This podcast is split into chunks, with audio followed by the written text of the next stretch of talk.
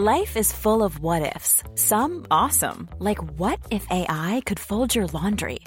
And some, well, less awesome, like what if you have unexpected medical costs?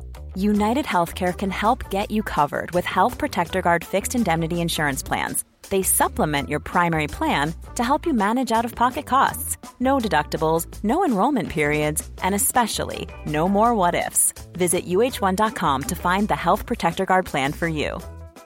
Many of us have those stubborn pounds that seem impossible to lose, no matter how good we eat or how hard we work out. My solution is PlushCare. PlushCare is a leading telehealth provider with doctors who are there for you day and night to partner with you in your weight loss journey. They can prescribe FDA-approved weight loss medications like Wagovi and Zepbound for those who qualify. Plus, they accept most insurance plans. To get started, visit plushcare.com slash weight loss. That's plushcare.com slash weight loss.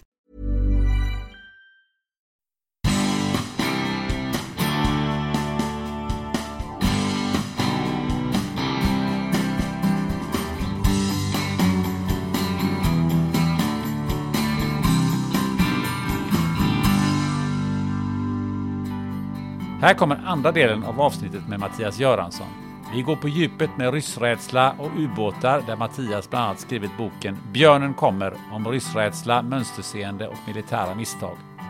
Vi diskuterar journalistiska stinkbomber och vad som händer på en tidningsredaktion när kungens älgar har brunnit.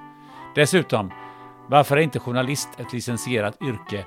Vem granskar egentligen journalister? Ett stort tack till dig som gick in på Patreon.com igår och gav en liten peng för att lyssna på hela avsnittet. Ditt stöd betyder väldigt mycket.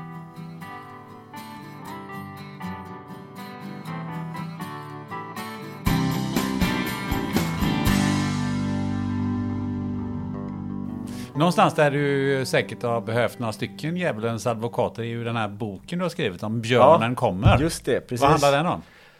Den handlar om svenska masshysterier kopplade till eh, den eh, jag tycker också mycket speciella idén att Ryssland eller Sovjetunionen då skulle vilja anfalla oss.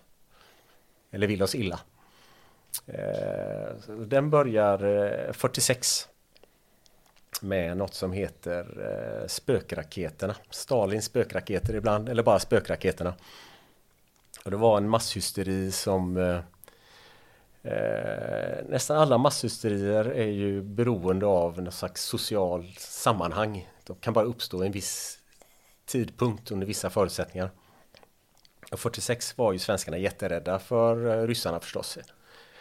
Efter andra världskriget och Stalin var ju Stalin. Eh, och de hade tagit halva Europa och pansarvagnarna stod kvar. Det var bara att kolla på kartan. Var ligger Sverige egentligen? Var är järnridån? Fan, vi ligger öster om järnridån. Det är liksom det är finnarna och vi kvar här. Vilka står näst på tur? Alltså det, så att rädslan kan ju vara förhållandevis rationell. I alla fall vid den tidpunkten. Och så eh, och en av de grejerna som man var rädd för var ju det här nya raketvapnet. Alltså nassarna hade uppfunnit eh, de här eh, vedergällnings-v1 och sen V2. Och det var världens första raketvapen. De tyckte man var fruktansvärt obehagliga för det var för, förarlösa helvetesmaskiner som de skickade då mot Antwerpen och sen mot London till och med. Och en av de här landade, flög fel och landade i Skåne och smällde upp ett skitstort hål utanför Örkelljunga. Eh, så att de här raketvapen var läskiga, ryssarna var läskiga. Och ryssarna hade tagit bland annat eh, nassarnas gamla eh, raketvapen, bas, Peenemünde. Eh, så det fanns en, liksom, ett sammanhang här. det här är läskigt. Eh, och sen våren 46 så skrevs det en hel del spekulativ journalistik också om vad Sovjetunionen kan tänkas hitta på. Eh, man skrev om eh, atombombsprov, atombomber var läskiga. Eh, man visste inte om ryssarna kanske kunde ha någon atombomb på gång. Jänkarna hade ju sprängt sina i Japan. Och det råkade vara en jordbävning. Det är inte ofta det är jordbävningar i Sverige. Men det var faktiskt en jordbävning våren 46 i Skåne. Vilket också var ovanligt. Och då spekulerade pressen om kan det vara ett ryskt atombombsprov som får marken att skaka. Så det var, fanns en antal spekulationer sådär. Så var det ett stjärnfall eh, utanför eh, Landskrona. Det kommer en komet ner som en ljusklot som observeras. Och då skrivs det en spekulativ artikel i eh, tidningar, som tidningarnas telegrambyrå. Först Landskrona-Posten och sen tidningarnas telegrambyrå. Att eh, man har sett en misstänkt raket. För den kom söderifrån. Så börjar man spekulera om, kan ryssarna börja skicka raketer nu? Någon slags testverksamhet? Eh, använder de Sverige som testbana? Och då uppstod den här eh, spökraketepidemin.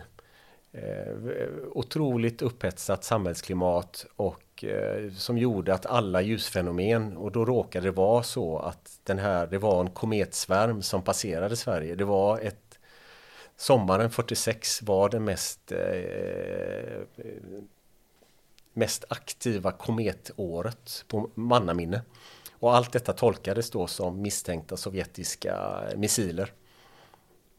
Eh, nästan tusen observationer gjordes.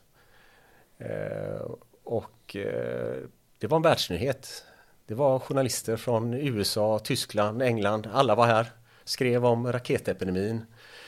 Svenskarna angrips de från Sovjet, mystiska vapen. Eh, ja, väldigt stor händelse, väldigt stor nyhet. Enorm antal, enormt antal tidningsartiklar.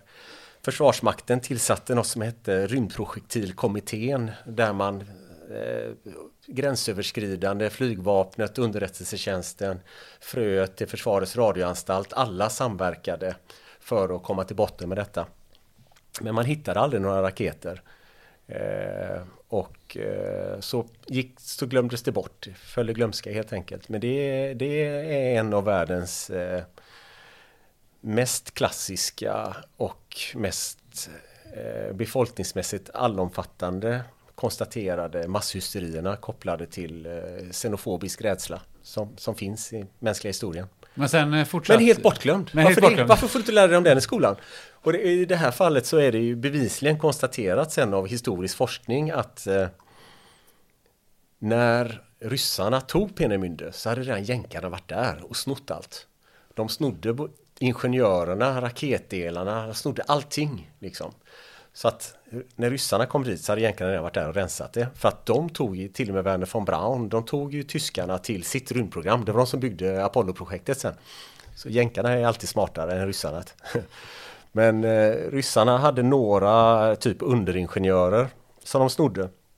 Så de skeppade in långt in i, de var så paranoida, så de flyttade dem långt in i Ryssland. Eh, till steppen. Där började de bygga de första ryska raketvapnen. Eh, men det var inte från 49 som de fick upp den första ryska raketen. Så att 46, det är helt uteslutet att det var ryska raketer. Det vet vi med säkerhet liksom. Utan det här var stjärnfall och feltolkningar. Men eh, eh, den här ryskräcken har ju eh, funnits i, i Sverige eh, lång tid tillbaka ja. och det är ju inte så konstigt heller eh, med tanke på vår historia. Nej. Ryssarna var på Gotland och brände ner eh, Visby, de var inne och, och, var inne i Norrland och man, man, man hade ju en hel del ja. konfrontationer med ryssarna och inte minst och vi, Karl, och Karl XII. vi var där nere och eldade upp dem. Ja, vi var där och eldade upp dem och Karl XII lyckades eh, förlora det mesta utav, utav, utav de delarna ja. som, som idag då är är, är, ähm, jag vet det, baltstaterna och sådär. Men ähm, äh, det som äh, ju kom i nästa steg då, det var ju att vi hade rätt mycket ubåtar ja. i, äh, under, särskilt under 80-talet i, i Sveriges östra skärgård. Ja just det, och det var ju anledningen, det var ju på grund av ubåts, eh, de tydliga parallellerna mellan ubåtarna och spökraketerna. Det var därför jag blev så fascinerad när jag upptäckte spökraketerna. Men skillnaden här är ju att eh, i eh, spökraketfallet så hittade man aldrig några spökraketer. Nej. Men i ubåtsfallet så hittade man en väldigt stor ubåt och den hade ju då 76 hamnat, meter lång, ja, 76, 16 meter hög. Ja, den hade då hamnat mitt i Karlskronas eh, skärgård. Ja, Gåsefjärden. Eh, Gåsefjärden. Eh, I ett, i ett eh, militärt område. Ja. Eh, gick den rätt upp på land. Eh, så att där fanns ju liksom lite bevis på att ja, men sen en ubåt ja, precis. har ju varit här. Ja. så vad, vad är storyn med resten av ubåtskränkningarna? Ja, det, ja, precis, och det är ju samma som med all, det vi pratade om tidigare, all undersökande journalistik. Så här. Du har en grupp som äger storyn, äger informationen och de säger så här är det. Eh, och antingen så köper du bara det. Jaha, okej, okay, bröderna erkänt. De slog ihjäl pojken. Eh, eller så säger du, ja ja men har du det inspelat på band? Har du någon form av bevis som du kan presentera? Eh, och Eh, det jag gjorde var ju att titta på, alltså U137 den låg ju där den låg så att säga. Så det, där måste jag säga att bevisningen är ganska god. Det är svårt att ifrågasätta va? men, men sen det som hände, jag ser ju, jag ser ju U137 är ju, om man jämför med spökraketerna. Vad är, vad är, ut, vad, vad är det som utlöser detta? Eh, jag beskrev ju förut vad som utlöste spökraketepidemin, det historiska skeendet. Eh, och du hade samma historiska skeende i början av 80-talet, eh, alltså en, en ny rädslenivå. Och rädslenivån då var invasionen av Afghanistan och att det nya kalla kriget, Reagan blev president, Margaret Thatcher, plötsligt skruvas hela temperaturen upp. Och i Östersjön skruvas temperaturen upp också för att polackerna börjar få sina Eh, tendenser till självständighet med både solidaritet och så har den här polske påven. De plötsligt börjar de bli katoliker igen och ifrågasätta kommunismen. Herre jävlar, vad håller de på med? Du vet, jättejobbigt för eh, Sovjet. Så Sovjet börjar bli mer eh, aktiva och aggressiva i Östersjön. Eh, de har stora landstigningsövningar 1980 för att hota polackerna. Eh, för att skrämma dem till att hålla sig på mattan och inte få några idéer om att bryta sig ur Warszawapakten. Men det uppfattas naturligtvis som väldigt hotfullt även i Sverige och av den svenska marinen. Så att du har den här eh, ökade hotkänslan eh, precis som det var 46 så hade det också runt 80-81. Och det som utlöste spökrat raketepidemin var ju det här stjärnfallet till Landskrona mm. och att man rapporterar om det som en misstänkt raketbomb. Eh, och det som utlöser den svenska ubåtsepidemin är ju att en ubåt går på grund. Eh, och att man säger att det är medveten kränkning fast det inte är klarlagt egentligen. Eh, ord står mot ord. Ryssarna säger vi seglade fel. Eh, vi hamnade där. Vi hade inget där att göra. Och svenskarna säger så fel kan ingen segla. Det är inte möjligt. Det är en medveten kränkning. Och det gör då att folk börjar tolka eh, en otrolig massa eh, skärgårdsfenomen som tecken på ubåtsverksamhet. Spökraketerna var, jag sa ungefär 1000, det var 997 om jag inte minns fel, observationer av spökraketer som väldigt tätt sammanhållet. Det var ju bara sommaren, en liten bit in på hösten. Eh, 46. Men vad det gäller ubåtsobservationer så var det drygt 6400 under 80-talet och en bit in på 90-talet. Det är lite mer utdraget och ganska många fler. Eh, men om man då tittar på vad är beläggen för att de här observationerna verkligen var periskop? Vad har vi för belägg på att ryssarna var tillbaka? Och kollade på dem, vilka är de tekniska bevisen, så visade det sig att de tekniska bevis som marinen själv hade lagt fram sedan när materialet väl avhemligades eller när det väl drogs fram i ljuset så hade alla de främsta bevisen fallit. Men ingen har liksom orkat hålla ordning eller hålla, orkat hålla räkning eller eh, största bevisansamlingen var året efter 137. Det var en stor ubåtsjakt i Horsfjärden som alla som är över ja, 40 i alla fall kanske minst. Tror jag. Och, eh, och den för oss svenskar är det en stor händelse men eh, vi ska inte vara så småsinta heller. Vi ska faktiskt kosta på oss att det var en rätt stor världshändelse också. För i eh, alltså hela kalla kriget från krigsslutet 45 och fram till murens fall 89. Det kallas ju kalla kriget för att inget hände egentligen. Framförallt inte i Västeuropa. I Östeuropa hände ju saker men i Västeuropa var det ju bara konserverat liksom. Det var inga krig i Västeuropa. Så de vapeninsatserna den svenska marinen gjorde i Horsfjärden med de här minerna, de här sjunkbomberna, Det är den största krigsinsatsen i Västeuropa under hela kalla kriget. Så att det var en jättegrej historiskt faktiskt. Och vad hade de för bevis där? Eh, deras bästa bevis, det som var det bärande beviset för att det hade varit en rysk ubåt i Hårsfjärden, det var en bandinspelning. Eh, 3 minuter och 47 sekunder lång bandinspelning. Som man sa var en rysk ubåt. Eh, och det var det bästa beviset. Det visade sig 2008 att det var inte en rysk ubåt utan det var en svensk motorseglare. Eh, som, som en taxibåt som eh, Dagens Nyheter hade hyrt för att köra ut sina journalister på Horsfjärden för att ta bilder och skriva om ubåtsjakten. Som marinen hade spelat in av misstag. Eh, och trott att det var en ubåt helt enkelt.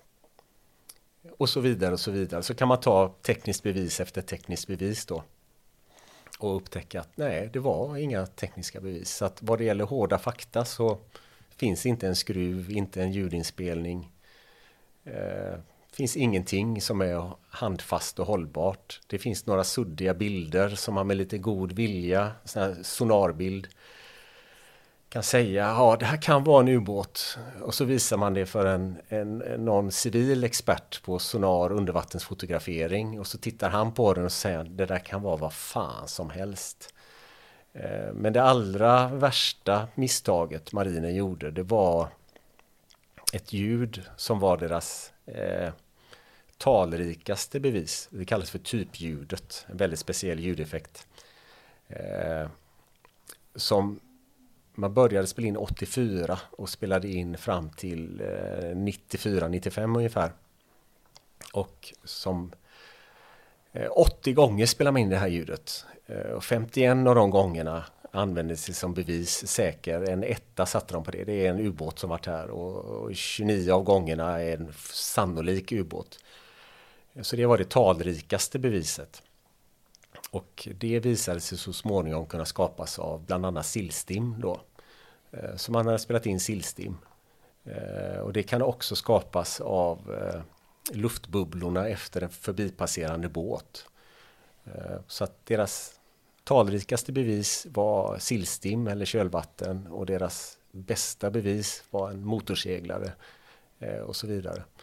Så att om man tittar på ubåtsfrågan bara som en normal undersökande journalist som bara skiter i vad andra har sagt tidigare så är det egentligen ingen komplicerad fråga utan den är liksom Vilka är de bästa bevisen? Det är ungefär som Hannes gjorde Råstam när han tittade på kvickfallet från början. Hur ser bevisen ut egentligen? Vad är det bästa beviset för att Kvick är mördare? Ja, då hade de en, en benbit sa de. Eh, 1,2 cm stor benbit som man har hittat i norsk skog. Jaha, okej. Okay. Är den DNA-testad? Nej. Har den gjorts någon form av undersökning, osteologisk? Eh, ja, det har den gjort. Jag har en professor, en tysk professor sa att det här är en benbit. Ah, okej, okay, hur ser underlaget ut? Ja, han har tittat på den i mikroskop. Okej, okay. man har hittat en benbit i en grop i en skog, men hur vet vi att det är från den här flickan? Ja, det fick han inget svar. Det är ju ingen som kunde säga det, men har den matchats? Det är det enda man hittade. Ah. Sen omanalyserades ju den och då visade sig det var en träbit. Eh, det var en bit trä. Med sågmärken. Jag, jag, tänker på, om vi tänker på de här eh, ubåtskränkningarna alltså som, som eh, då inte var ubåtskränkningar, det var sillstim och, och, och, vad det nu var för någonting, båtar och, och, och så vidare. Men eh, vad är egentligen det egentliga problemet med att man, eh, att man gör så här? Och då tänker jag så här, ehm, det måste ju ändå de facto pågå, eh, precis som, som alla andra stater, eh, att det pågår någon sorts kanske påverkansoperationer eller andra saker som de facto finns, mm. men som vi inte vet om. Ja. hur ser du på att vi då kanske ignorerar signaler som är verkliga därför att vi tänker ja men det är nog ungefär som ubåtarna. Mm. Ja precis. Eh, ja men en grej som jag inte vet riktigt är svaret på din fråga men något som jag tror är väldigt viktigt i alla fall innan jag svarar på den frågan. Det är ju det här med eh, inte fastna i omvänd bevisbörda. Eh, många av de här frågorna har blivit skeva. Det är så att den som ifrågasätter någonting plötsligt har bevisbördan. Du måste bevisa att det är fel. Men egentligen är det tvärtom. Det är den som säger att det är ubåtar här som äger bevisbördan. Den som hävdar förekomsten av någonting äger bevisbördan. Det är upp till marinen att lägga fram bevisen och håller inte de så håller inte de. Det kan aldrig vara du som samhällsmedborgare eller journalist eller politiker. Det kan inte vara ditt uppdrag att bevisa att, att det inte är några ubåtar här. Det går ju inte. Det går inte att bevisa att något inte finns. Det är som att säga men bevisa att Kvick inte har mördat någon.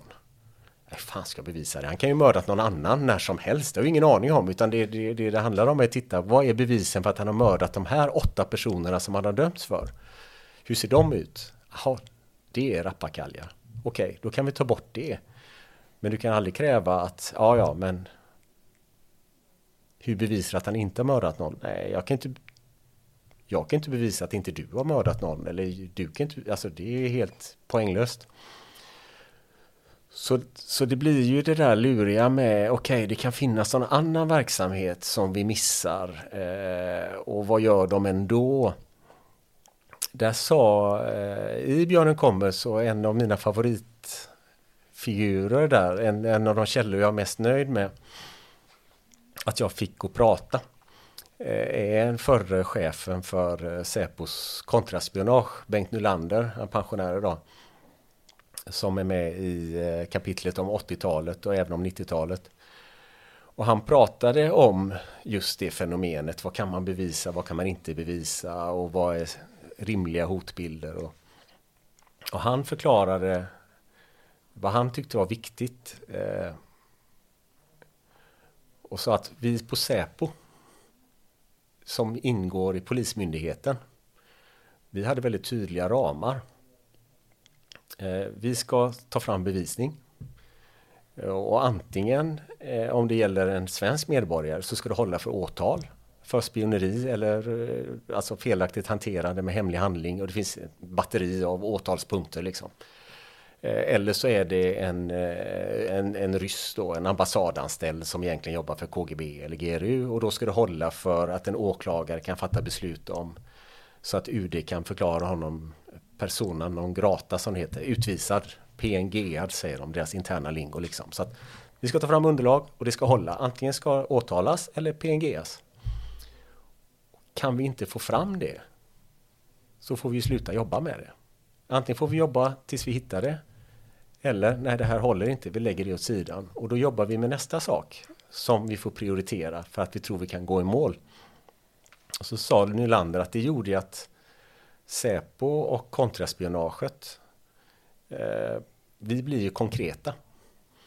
Och samma säger man på FRA då, eh, Försvarets radioanstalt, som är väldigt respekterade av eh, alla, vågar jag nog påstå.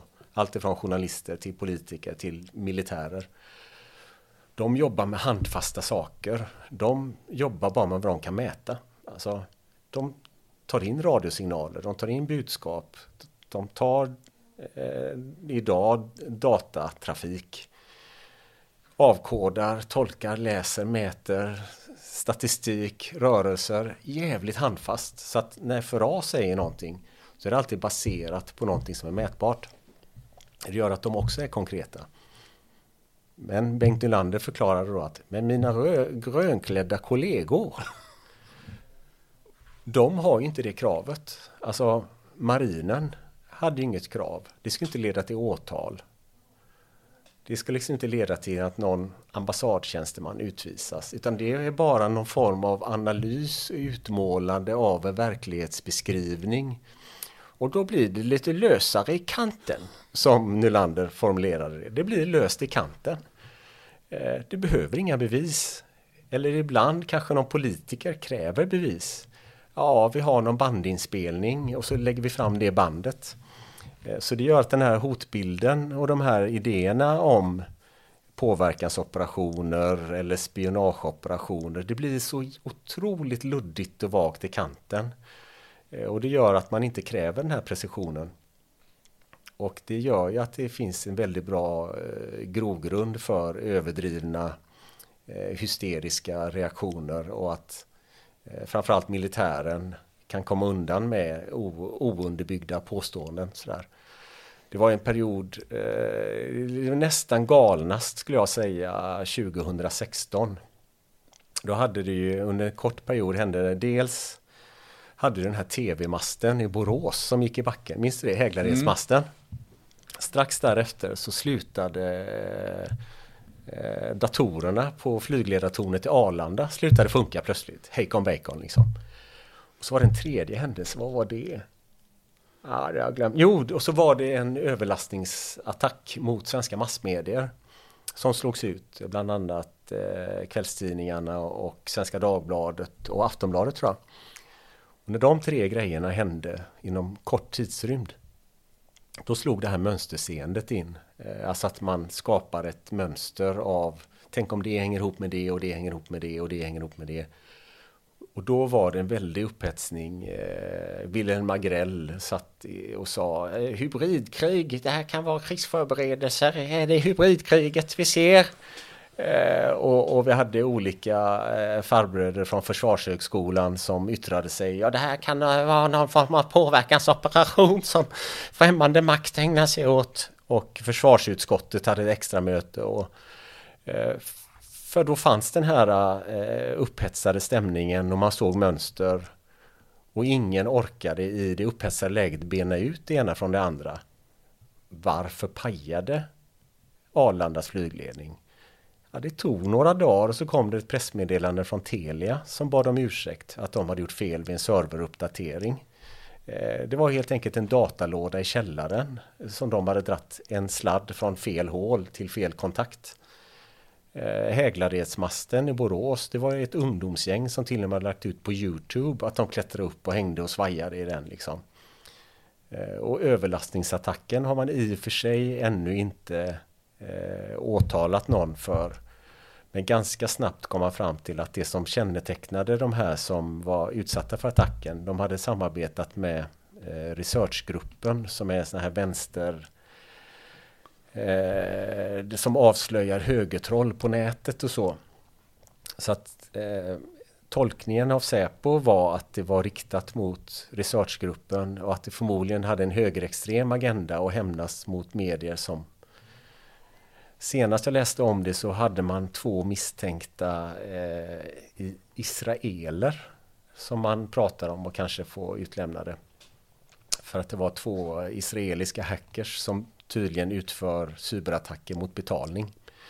Men, men jag har inte sett något jag vet inte om, jag, jag, tror inte det, man har gått i mål där. Man har bara lagt ner den utredningen helt enkelt. Men vad jag vill säga ja. var bara att i, i sådana här upphetsade lägen mm. så är det så otroligt lätt att bara följa med i flödet och glömma de där viktiga kontrollfrågorna.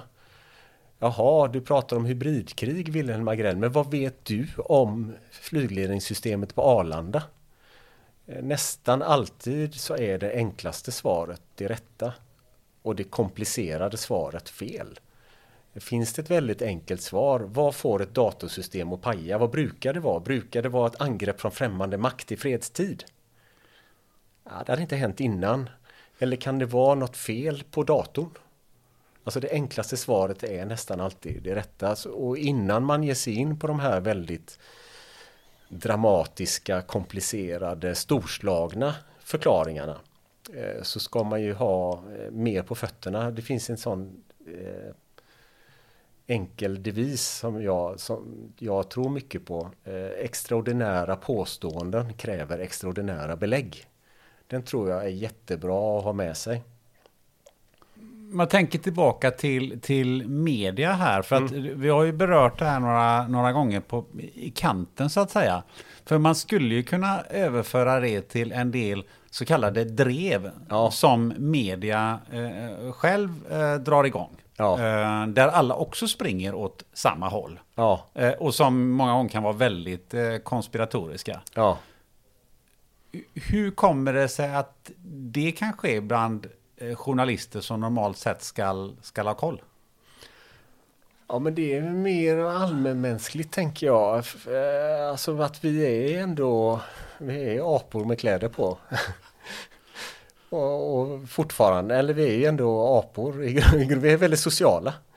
Eh, och, och tjattrar någon eh, lejon så blir vi nervösa och, och sådär även om samhället är mycket större än, än ett träd. Och då är det dags att ge sig ut på drev? ja, men vi, ja, men vi har ju den grund... Alltså, jag tror så här, det är lättare, det, därför det gör att det är, lätt, det är lättare och, och lättare att gripas av panik eller följa med ett drev eller och bara köpa svaja påståenden. Det är svårare att tänka efter ibland. Är det likadant där som du pratar om de här slutna eh, rummen på sjukhus eller på, på inom, inom militära? Är, är de här man ska säga, media och kvällstidningar också lite grann av ett slutet rum i sig? Där det är svårt att, att springa åt andra hållet? Jag vet inte om det är alltså så här. Nej, men jag tänker att det är mer allmänmänskligt än ett medieproblem. Att alltså, flockmentalitet kan nog drabba alla organisationer och alla. Det som är jobbigt är ju att just media ska ju vara en kontrollfunktion som ska vara kritiskt granskande och ska ifrågasätta flockmentalitet. Så att det gör väl att det är mer allvarligt om människor som till sin yrkesroll ska vara kritiska och ägna sig åt faktakontroll. Det gör det väl kanske mer allvarligt. Men grundfenomenet och bara ryckas med av saker är nog allmänmänskligt sådär. Eh, men det blir ju rätt problematiskt när, när de här dreven eh, som många beskriver dem eh, går så långt så att, så att de som utsätts för drev eh, inte bara blir av med sitt jobb utan egentligen får gå, och gömma sig och kanske inte ens kan gå ner på ICA och handla. Ja, absolut. Och, och den, den typen av etiska frågeställningar eh, måste ju även vi förhålla oss till. Vi har ju lyxen på Filter Offside och har två månader på oss. Och kan, det är lägre tempo, man hinner tänka efter. Hinner kolla några extra varv och sådär. Men även vi måste ju ibland sådär, ja ja, den här publiceringen kommer skada någon. Eh, och det måste man leva med som journalist och du måste er, kunna erkänna det för dig själv. Att det finns någon form av våldsutövning, även om det aldrig är fysiskt våld. Eh, och kunna rättfärdiga det. Eh, det finns ju journalister som låtsas om att det inte är så, som bara skakar av sig det och säger ja, ja, men Eh, folk får skylla sig själva. Men så är det ju inte. Du, det är du gör ett val att publicera eller inte publicera. Nu har vi i det här numret till exempel en eh, granskning av eh, något av det rötnaste som finns och som man som journalist ja, men jag sa om apatiska frågan, vilken jävla stinkbomb. Det här är också en stinkbomb. Det är vårdnadstvist. Det är det sista man vill ge sig in i som eh, journalist för att det är liksom privat och det är anklagelser och Ord står mot ord, barn inblandade. Eh, men det här är så extremt, extremt speciellt fall eh, att vi skriver om det ändå. För det är så att den ena parten i det här målet har vunnit i hovrätten, i tingsrätten, i förvaltningsrätten. Eh, alla domstolar som varit inblandade har sagt att socialtjänsten har gjort fel till och med kritiserar dem uttryckligen för att göra en dålig utredning. Ändå så vägrar socialtjänsten ändra, ändra sig och låter inte den här föräldern träffa sitt barn som, håll, som man inte får träffa på två och ett halvt år. Och då är det, eh, ska vi namnge chefen på socialtjänsten i Helsingborg som det handlar om? Eh, ja, det kommer ju bli jobbigt för henne. Eller ska hon vara anonym? Eh, ja, hon måste namnges. För namnges inte ens hon. Okej, okay, vi kan inte namnge föräldrarna. Vi vill inte skada barnet. Barnet ska inte kunna identifieras. Eh, socialsekreterarna har ingen formell maktroll. De är inte makthavare här. Vi ska inte namnge dem heller. Men någon måste ändå kunna ställas till svars om om det ska betyda någonting, om man ska hoppas på förändring, ja men då får vi i alla fall namnge den ansvariga chefen då. Eh, kan det leda till en skada för henne? Kan folk bli arga på henne? Kan det komma jobbiga frågor? Eh, ja, det hoppas vi. Eh, därför gör vi det. För att det här är uppenbarligen knasigt. Sådär. Eh, men jag tänker på, det finns ju fall då hyfsat nära i tiden. Vi har metoo och vi ja. har eh, Mona Sahlin till exempel. Ja. Eh, Benny Fredriksson. Benny Fredriksson. Alltså sådana här fall där man har eh, en sak när man, man har dragit fram fakta och det, har ju, det gör ju alltid ont som du säger. Mm. Men man har ju därefter då brett på och lagt på saker och ting ja. som är av rent privat karaktär eller som är av annan karaktär som inte har med själva, eh, med själva organisationen att göra som man granskar eller sådär. och, och det, det känns eh, som att de här, eh, att man tänjer på de här gränserna, det gör man gärna oftare och oftare. Och var, varför blir det så? Ja, jag har varit med i lite olika debatter, även om det var länge sedan nu, för jag tycker aldrig de är särskilt bra. Eh, men jag väcker ibland förvåning.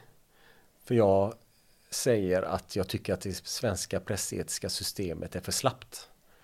Eh, det, det har för små följder. Det är för tacksamt att vara ansvarig utgivare. Jag talar emot mitt eget intresse egentligen nu, men jag tycker verkligen det. Eh, Pressetiska systemet. Eh, när jag var på Expressen eh, som praktikant eh, 94 hade jag en handledare, en klassisk kvällspressmurvel. Eh, och som praktikant så fick jag eh, sortera posten. Eh, sådär. Och då såg jag att det var ett, ett officiellt ut, brev med väldigt officiellt utseende så stod det Pressens opinionsnämnd Eh, på brevet och då tänkte jag fan shit vad är det här liksom jobbigt och så gick jag bort till min handledare och sa ah, fan tråkig läsning här kanske här har du från eh, PO liksom och han bara slet upp det här brevet och eh, läste liksom med ett leende på läpparna och jag sa vad fan är det liksom eh, Fick du kritik eller? Jajamän, sjunde gången! Sa han. Eh, och jag sa bara, jaha, okej det är inte bra eller? Han sa, men herregud Göransson, PO, det betyder bara att man är läst. Och du vet, det var liksom så, det betyder bara att du är läst. Vem bryr sig? Eh, ja. eh, jag vet inte hur det skulle se ut, men, men jag kan tycka att, att eh, jag har en lite extremistisk hållning där jag tycker att journalister eh, det, det, jag inser att jag har problem det jag säger nu, men eh, jag tycker det är jobbigt att det inte är ett legitimerat yrke. Eh, just för att man har det här ansvaret jag sa innan, alltså att man kan påverka människor och skada människor. Precis som en läkare eller en terapeut eller en jurist eh, och så vidare. Att det finns ett problem i att det inte finns några formella plikter eller formella krav. Det finns ingen läkared inom journalistiken. Det finns liksom ingen sanningseden eller faktakolleden. Det finns ingen legitimering. Okej, okay, du kan gå med i Journalistförbundet, men det är ju kopplat till att du har ett jobb och betalar in en avgift. Det är inte kopplat till att du följer några, något regelverk där liksom. Jag Framförallt nu när det har blivit hela havet stormar med Twitter och Facebook och folk kan uttrycka vad som helst även i andra sammanhang och få jättestor spridning. Och är det då inget som skiljer journalister på SVT eller DN från någon som bara tycker någonting på Facebook formellt eh, så är det ett problem. Alltså jag hade tyckt det var jävligt bra om det fanns någon form av regelverk som var knutet till ett personligt ansvar där du faktiskt kan få konkreta följder, som en jurist till exempel.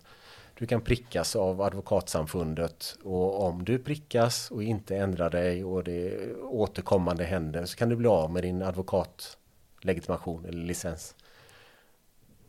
Uh. Det tror jag hade, det hade blivit, ja, det tror jag hade ökat eh, stringensen och, och kunnat vara begränsande och lite dämpande i den här typen av drev drevpubliceringar till exempel. Att det hade funnits en spärr där liksom. Ett, någon mer form av personligt ansvar. För det finns ju inte idag. Idag är den ansvariga utgivaren.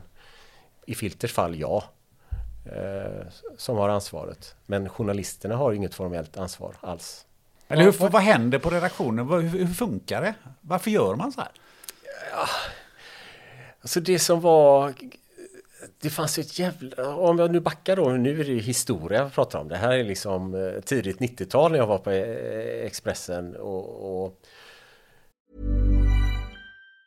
Planning for your next trip? Elevate your travel style with Quince. Quince has all the jet-setting essentials you'll want for your next getaway. Like European linen, premium luggage options, buttery soft Italian leather bags and so much more. And it's all priced at 50 to 80% less than similar brands. Plus, Quince only works with factories that use safe and ethical manufacturing practices. Pack your bags with high-quality essentials you'll be wearing for vacations to come with Quince. Go to quince.com slash trip for free shipping and 365-day returns. A lot can happen in the next three years. Like a chatbot may be your new best friend. But what won't change? Needing health insurance. United Healthcare Tri-Term Medical Plans are available for these changing times. Underwritten by Golden Rule Insurance Company, they offer budget-friendly, flexible coverage for people who are in between jobs or missed open enrollment. The plans last nearly three years in some states, with access to a nationwide network of doctors and hospitals. So for whatever tomorrow brings, United Healthcare Tri-Term Medical Plans may be for you. Learn more at uh1.com. Since 2013, Bombas has donated over 100 million socks, underwear, and T-shirts to those facing homelessness if we counted those on air, this ad would last over 1,157 days. But if we counted the time it takes to make a donation possible, it would take just a few clicks. Because every time you make a purchase, Bombas donates an item to someone who needs it. Go to bombas.com slash ACAST and use code ACAST for 20% off your first purchase. That's bombas.com slash ACAST, code ACAST. Och då var jag uppe, en period var jag på eh, centralredaktionen i Stockholm också. Och eh, det var ju ett, eh, då, det var ett jäkla tryck. De flesta reportrarna, det är många unga, drivna, hungriga, vill synas och höras. Man jagar en byline, man jagar en, en sidplacering. Du vill, inte, du vill skriva någonting som ska in på ettan, sexan, sjuan, löpet eller mitten. Eh, helst första sidan. Eh, sexan, sjuan är de tyngsta, det var då de tyngsta nyhetssidorna. Mitten är bra också, mittuppslaget. Eh, och så vidare. Och det var där man ville vara liksom. Eh, och det, det, det, det var lite som en lek sådär. Det fanns inget riktigt allvar. Eh, jag skrev till exempel som, redan som praktikant hade jag skickade min chef mig på spännande uppdrag. Då var det en eh, Sveriges värsta pyroman. Det var otroligt spännande historia för det var, det var alltså, han som hade tänt på flest eh, nu kan jag minnas fel här summan men som jag minns det var det drygt 50 eh, eldsvådor i Västsverige. Eh, som alla hade tänts på av en man som var tankbilsförare. Fattar du? Du har en pyroman som kör runt med brandfarlig vätska. Och han var så galen att han stannade ibland med tankbilen och så tuttade han på i skogen och så körde han iväg. Eh, och han eh, skulle åtalas, eh, om jag inte minns fel var det Trollhättan, men det var upp igenom i alla fall från Göteborg sett.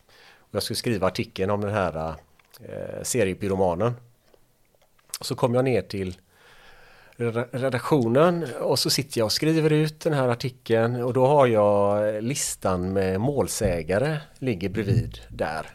Lång lista, vet, över 50 bränder och det är marker och det har varit stora bränder så det är många människor som har blivit berörda. Så står min chef och bara, han står där bara och peppar mig lite och spännande med pyromanen och det här blir nog, det här blir bra nyhet och, och kommer in med bra placering sådär. Eh, och så står han där, tittar på målsägarlistan så bara Helvete Göransson! Jaha, vadå? Greven Niklas Silversköld! Alltså, jaha, vadå? Men för helvete, det är där kungen jagar älg! Uh, jaha? Ja men vad fan! Det är ju fan kungens kusin, det är där kungen jagar älg på Omberg! Jaha? Ja men du! Pyromanen har ju fan eldat på kungens älgar! Och jag, eh, nej, nu sakta i backarna här. Vi, vi, ja, det har brunnit på Omberg men vi har ingen aning om eh, kungens älgar har, har eh, brunnit liksom. Det här, nu, nu tar vi det lugnt. jag är nästan färdig med den här artikeln. Och han, och han tittar liksom lite medlidsamt på mig och så säger han Okej, okay, du gör som du vill. Men tar du in Silversköld och kungens älgar, då är det fan ettan, sexan, sjuan. Annars, sida 11-12 kanske. Ja, ja, ja, men det är bra, då vet jag det. och så skrev jag en artikel, jag tyckte det var en jävla, herregud, tankbilen och hela det där. Eh, men han fick ju rätt. Jag, jag sket i kungens älgar. det blev sida 11 då. Tillbaka till, om man tänker till allvaret där, eh, några av de här händelserna som, som jag nämnde här. Eh, hur bra är man på självkritik inom eh, presskåren då? Men mediekritiken, eh, alltså apropå det här med ubåtarna eller kvickfallet eller allt det vi har pratat om. Eh, ta apatiska barnen, herregud. Hur många journalister har inte gjort reportage om de här barnen där de bara har valt att ja, ja, nu skriver vi det här, nu säger föräldrarna att det är så här. Fakta kollar inte, har inget kritiskt tänkande. De har bidragit till att barn utsätts för psykologisk misshandel. De får inte gå i skolan. Flera av de här barnen blir svälta. Några av dem blir misshandlade. Eh, en form av psykisk tortyr. Hur många svenska journalister har haft någon som helst självkritik där?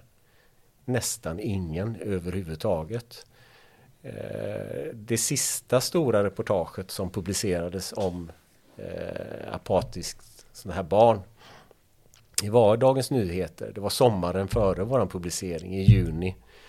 Eh, det var en flicka som enligt uppgift där skulle ha varit sängliggande i nästan tre år. Eh, alltså hållits isolerad. Du är ung. Du ska ha kompisar, du ska leva, du ska utvecklas, du ska gå i skolan. Hon har hållits isolerad i tre år. Eh, fruktansvärd misshandel. Och man ser på bilderna att det, det stämmer inte. Eh, det här är inget barn som ligger i koma. Det som händer om du ligger still i koma det är ju att musklerna förtvinar. Den här flickan hade normalt kroppshull. Du ser på bilden att hon är till och med lite rund. Så uppenbarligen hålls hon isolerad men hon är ju inte apatisk annat än när journalisterna är där. Hon ligger ju inte still.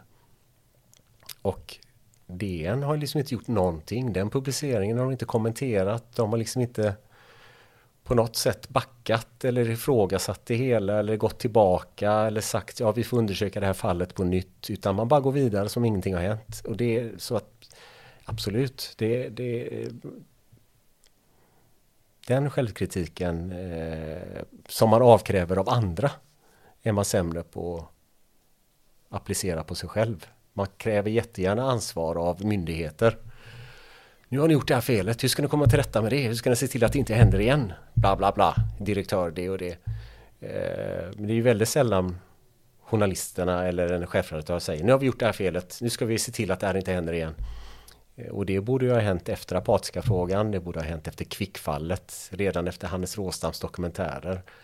Hur kan vi ha publicerat tusentals artiklar med så här dålig faktakoll? Hur, hur kan vi säkerställa att eh, vi, våra kriminalreportrar inte bara lyssnar på vad en åklagare säger?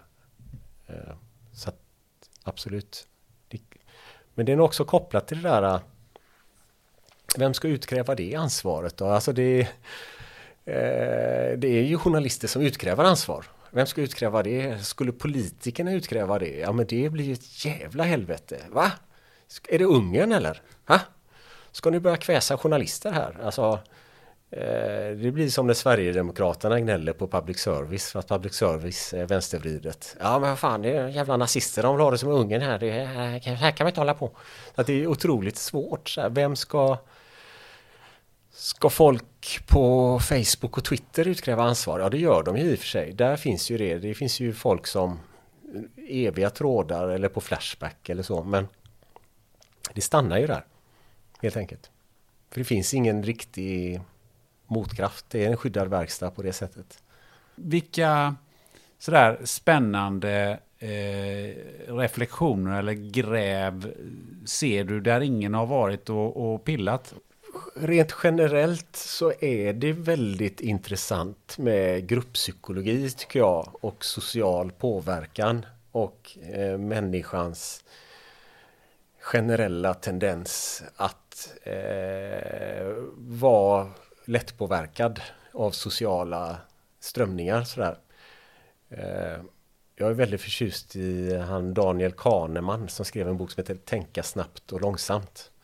Eh, som fick Nobelpriset, eh, lustigt nog ekonomi när han är psykolog. Men, men eh, väldigt bra bok som innehåller många bra, eh, mycket kunskap om just flockbeteende och social påverkan. Och han pratar om att människan har två sätt att tänka. Dels det snabba sättet där vi är associativa, vi följer med strömmen, vi är inte kritiska.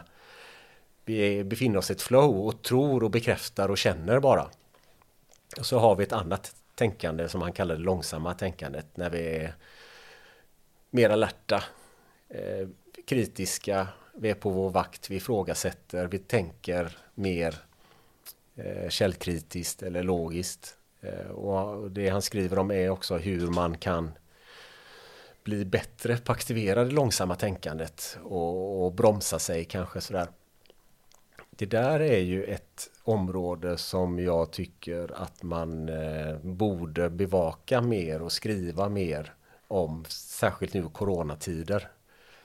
Nu, I år har vi verkligen sett hur snabba saker det kommer något uppseendeväckande och så sprids det jättefort och så ska alla reagera på det eller fatta beslut snabbt eller och samtidigt vet vi ju vi vet, alla vet hur destruktivt det är och hur knäppt det kan bli och ändå händer det om och om, om, om igen. Alla vill bara rusa, alla vill göra. Nu ska vi göra det, nu ska vi ha lockdown eller nu ska vi ha vaccinpass eller nu ska vi stoppa det här vaccinet eller eh, jag tror inte det håller i längden.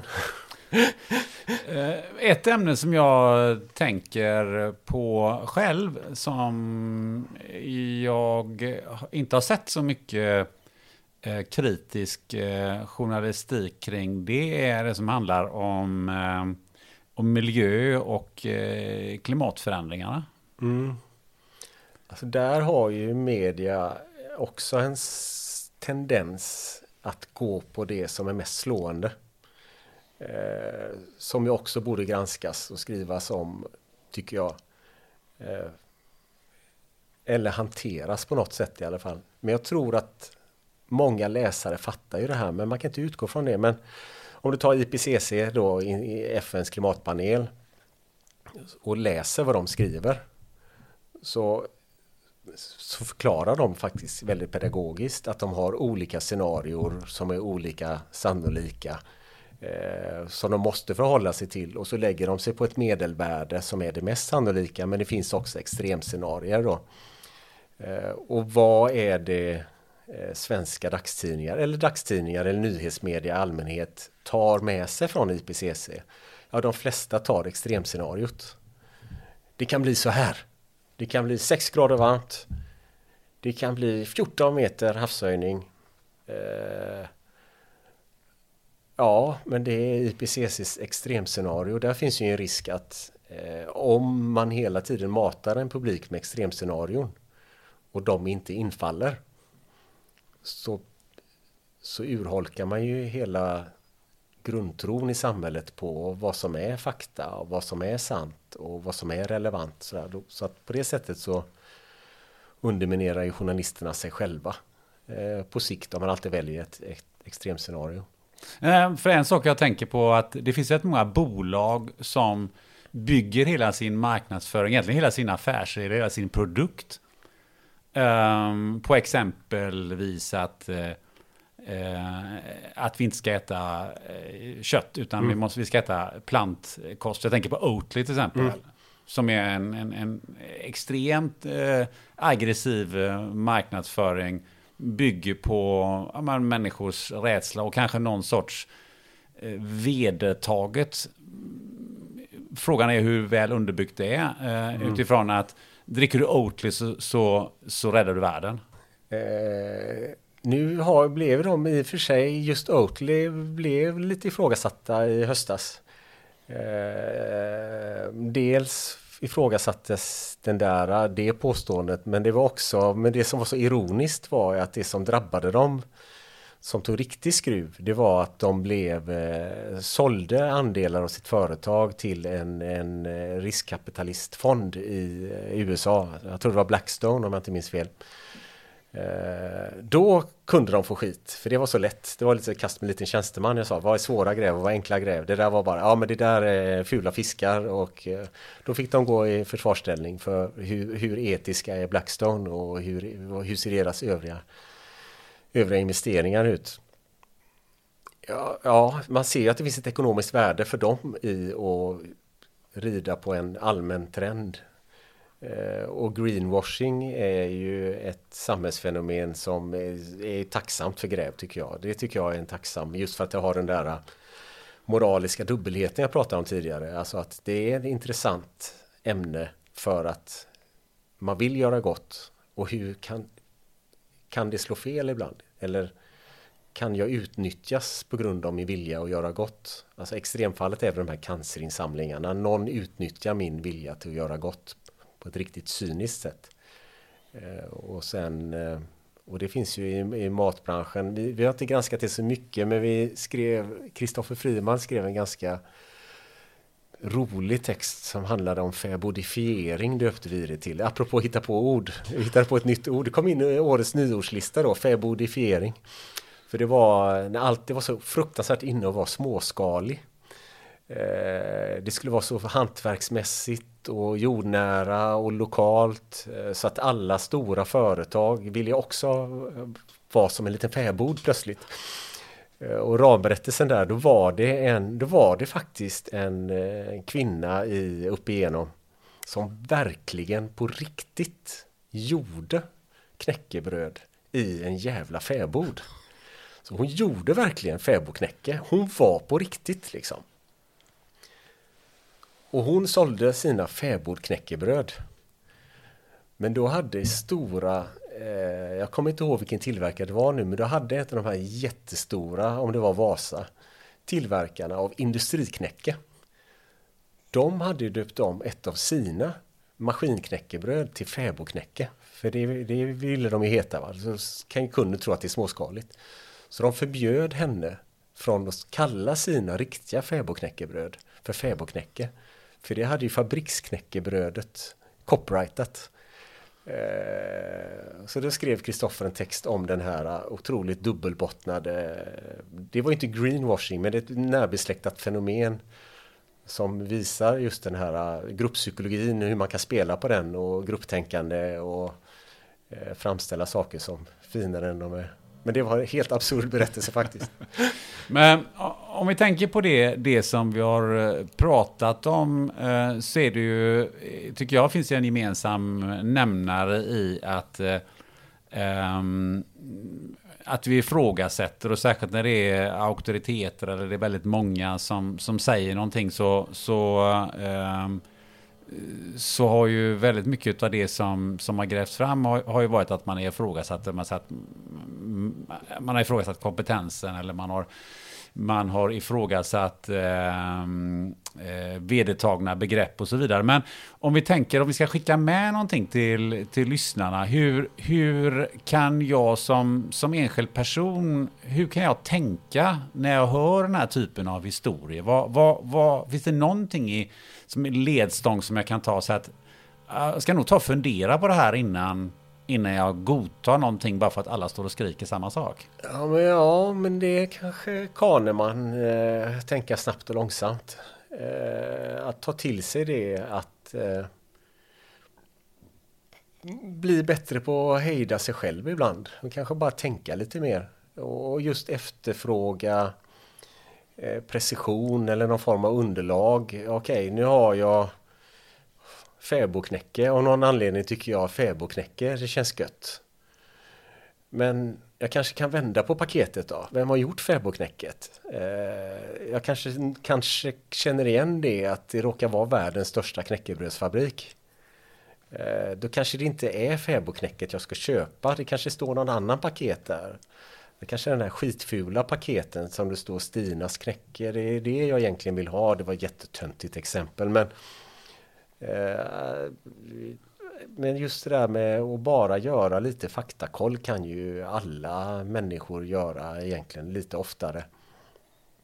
Och, eller om eh, Eller vända på Om någon kommer och säger någonting Sådär Hörde du att den gjorde det och det?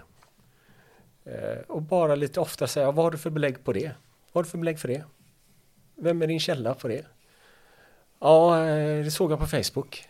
Jaha, eh, men vad, vad var källan där då? Ja, vet inte jag. Nej, ja men då kan jag inte bry mig va? Eller? Ska jag, ska jag bry mig om vad du säger nu? Alltså det är väldigt ofta som man bara glömmer och bara vända på det. Ofta så hamnar man i situationer där man ska reagera på någonting och känner att nu är jag avkrävd ett svar här eller eh, det kan vara ett enkelt trick att bara vända på det. Istället för att själv svara, ställ en motfråga. Mycket oftare ställa motfrågor. Eh, jag skrev ett personporträtt på eh, Torbjörn Nilsson en gång i tiden, fotbollsspelaren. Eh, som då var tränare. Eh, och han hade en sån eh, one-liner han alltid hade bakfickan när han hamnade i någon form av konflikt eller en jobbig situation. Då sa han alltid Vad är problemet? Just för att vända på det. Någon kommer, någon är upprörd, någon vill något. Och så sa han alltid Vad är problemet? Och, sa, och då blir folk alltid ställda. För då måste de själva formulera Vad är problemet?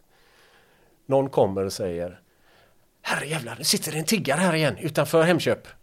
Vad är problemet? Ja, vad är problemet egentligen? Det tycker jag är ett eh, väldigt bra eh, slutord på det här eh, enormt långa samtalet som, som, du och jag har haft. Ehm, jag brukar ju fråga ehm, min gäst vad, vad du skulle ha för önskegäst. Mm. Har du någon idé om det? Ja, jag tänkte lite på det. Och det blir lite, det blir väldigt egocentrisk. Det får det vara. För det är, det är en person jag själv hängde med ett tag och skrev ett jättelångt personporträtt eh, om för Dagens Nyheter för 21 år sedan. Eh, men som jag hade tyckt det var väldigt intressant att höra prata till punkt idag i dagsläget med där han befinner sig nu. Eh, jag skrev ett personporträtt på en man som heter Johan von Schreb som var, eh, hade varit ordförande för Läkare utan gränser Eh, Eh, och så avgick han, de fick Nobels fredspris och då avgick han för att istället öppna ett sjukhus eh, i Kambodja. Ett litet sjukhus i ett eftersatt område där det nyss varit krig, precis blivit fred. Och då åkte jag dit med en fotograf och vi skrev om honom. Eh, väldigt fascinerande människa med väldigt livserfarenhet. Som hade mycket att berätta redan då. Men sen har han liksom gått vidare i livet. Nu är han professor i katastrofmedicin och han är chef för eh, Karolinska har ju en eh, ett institut, jag vet inte exakt vad det heter, en institut för global hälsa. Som är Hans Roslings gamla institut som jobbar med WHO. Och eh, pysslar med globala frågor eh, och har det är så mycket som har påverkats av coronaepidemin. Jag vet att jag, han hamnade i konflikt med Dagens Nyheter, med chefredaktör Peter Wolodarski eh, förra våren. Han tyckte han hade svårt att köpa DNs väldigt aggressiva, självsäkra hållning. Eh, och försökte kontakta Peter Wolodarski privat för att prata med honom och försöka eh, föra fram vissa argument som man trodde kunde balansera hans hållning. Men han fick inget svar överhuvudtaget och då skrev han ett öppet brev i Svenska Dagbladet till vad han hade velat säga till Peter Wolodarski. Så jag vet att han har mycket tankar om eh, situationen nu, både vad det gäller eh, svensk sjukvård med global hälsa också hur den här typen av frågor kan bara slå ut all annan verksamhet. Eh, han, han, han har jobbat mycket i tredje världen. Jag kan tänka mig att han har många synpunkter på vilka andra hälsofrågor som nu hamnar i malpåse och sådär. Så jag hade tyckt det var väldigt spännande att höra vad han, hans bild av nuet. Mm, superintressant förslag och bra argumenterat måste jag Ja, säga, naturligtvis. du, om, man, om man vill eh, ha tag på dig, eh, följa dig eller er eh, eller tipsa er eh, om något jättebra eh, gräv, Ja. hur gör man då? Eh, ja, alltså min mailadress står ju i Filter, tidningen och på vår hemsida magasinetfilter.se. Efter mycket mångårigt motstånd så finns jag på Twitter. Där kan man se mig, M. Goransson. Så kan man direkt meddela saker där. Eh, Facebook vägrar jag däremot för det anser jag är ondskans eh, ställföreträdare på jorden. Eh, men ja, Och sen finns det ju faktiskt på Instagram om man vill kolla Ja. Lego. Ja, just det, just det. Ja, men man kan se ibland lägga ut legobilder på Instagram, det stämmer. Ja, det tycker jag är jättekul. Ett stort, stort tack Mattias Göransson för att du vill vara med i den här podden. Ja, tack själv. Du har lyssnat till andra delen av Spännande möten med Mattias Göransson. Mer info om podden hittar du på spannandemoten.se. Vill du lyssna på fler avsnitt om hur media funkar, ja då kan jag varmt rekommendera avsnitt 74 med PR-experten och krishanteraren Jeanette Fors André. Nästa gång, ja då ska vi kasta oss ut i trädgården med den populära John Taylor, högaktuell på SVTs Trädgårdsdags. Till dess, sätt dig med en vän, ta något gött att dricka och fundera på bästa sättet att bli av med vattensork. Ha det gött!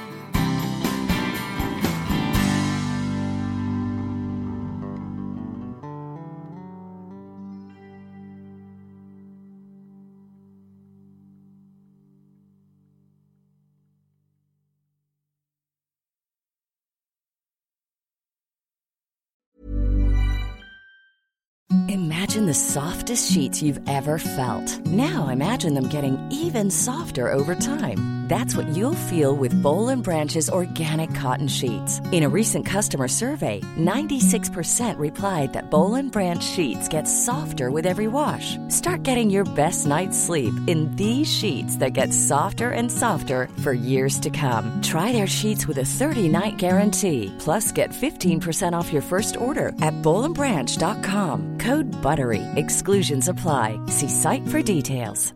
Hi, I'm Daniel, founder of Pretty Litter. Did you know cats tend to hide symptoms of sickness and pain? I learned this the hard way after losing my cat, Gingy. So I created Pretty Litter, a health monitoring litter that helps detect early signs of illness by changing colors, saving you money and potentially your cat's life. Pretty Litter is veterinarian developed, and it's the easiest way to keep tabs on your fur baby's health right at home. Go to prettylitter.com and use code ACAST for 20% off your first order and a free cat toy. Terms and conditions apply. See site for details.